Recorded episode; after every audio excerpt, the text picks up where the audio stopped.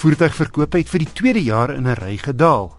Net meer as 617900 voertuie is verlede jaar plaaslik verkoop of dan 4,1% minder as 2014 se net meer as 644200 eenhede.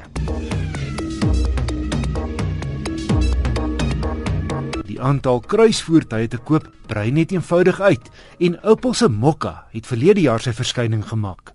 Redelik gespierd en nogal stylvol met 'n lengte van 4,3 meter, is hy direkte mededingers die Suzuki SX4 en Honda se HR-V. Dink grootegewys aan iets tussen 'n Ford EcoSport en Kuga. Sy buitelewe voorkoms is egter kosmeties. Sy grondvryhoogte van 13 cm is gelyk aan enige gewone lykrigsin. Agterop staan bloot Mokka in die een hoek en Turbo in die ander.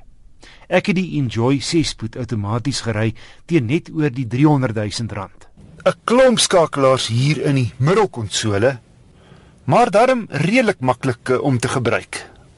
En ten minste is jou skakelaars vir die foon en die spoedbeheer en die inligting en vermaakskerm hier op die lekker leer stuurwiel geplaas wat eh, die klompskakelaars in die middel van die konsole tot 'n groot mate uitskakel.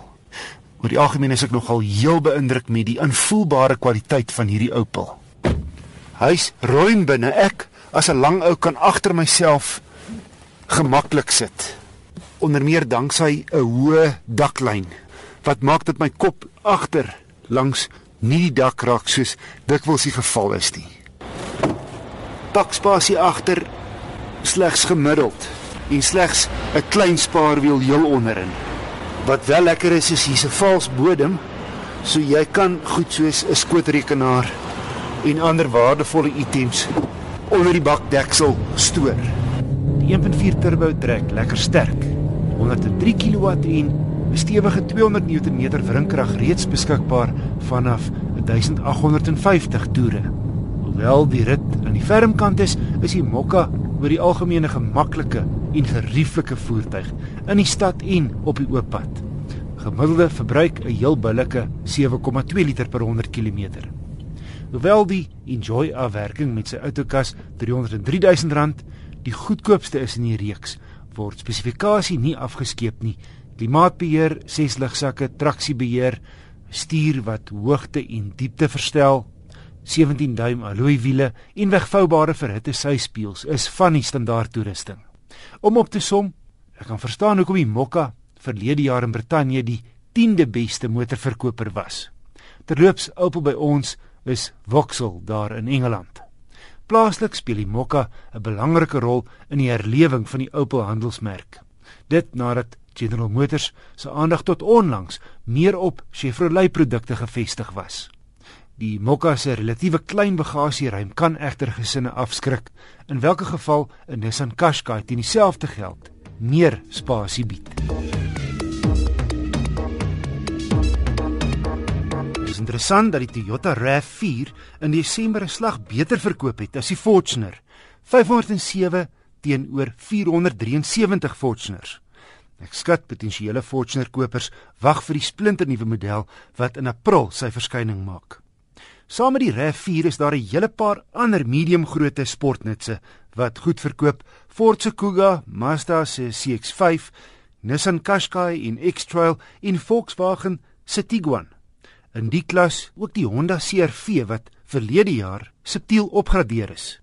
Maar en aardig, die turbo diesel modelle is nie meer te koop nie.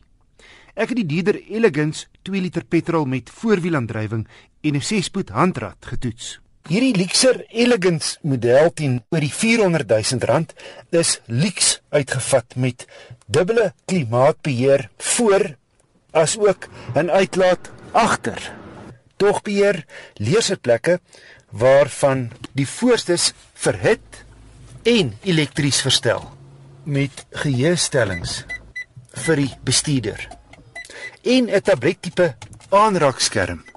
Dis egter nie so maklik om te gebruik soos in sommige ander karre nie. Spasie beslis 'n sterkpunt met volle plek vir selfs 5 volwassenes en 'n Tamai bagasiebak 10 teen 1 die grootste in sy klas. met 'n volgrootte 17 duim alloy wiel onder die bagasiedeksel. En regtig gerieflik is die agterste sitplekke kan 1/3 2/3 plat slaan.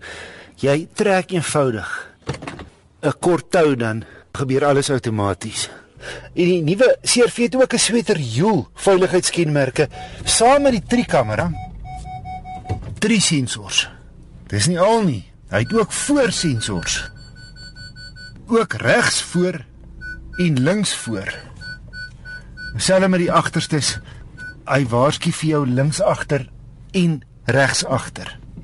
Nou interessant, saam met hierdie voorste sensors het jy ook op 'n skerm 'n visuele waarskuwing. Eers net geel strepe wat flikker en dan soos jy nader kom, verander dit na oranje en uiteindelik rooi.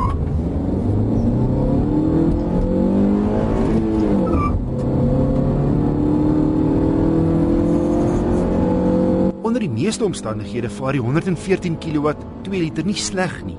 Kaarthuisskrif het immers 0 na 100 in 10,6 sekondes afgelê.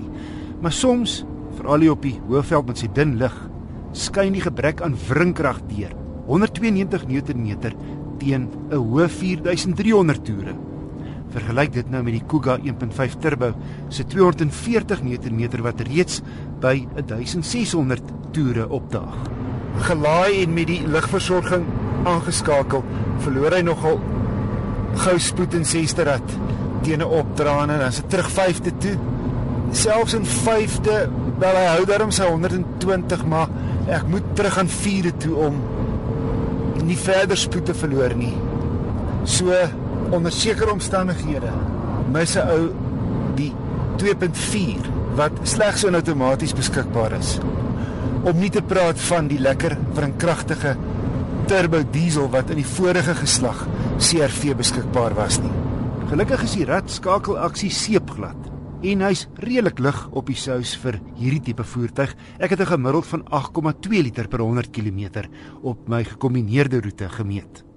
Honda se CR-V is in baie opsigte die ideale gesinsvoertuig, ruim en prakties met hoë pakplek, 'n baie aangename rit, 'n hoë kwaliteit binneruim, ondersteun deur 'n reputasie van betroubaarheid.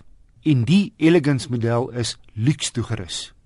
Tog voel ek dat Honda se prys van R421800 'n meer kragtige masjien regverdig.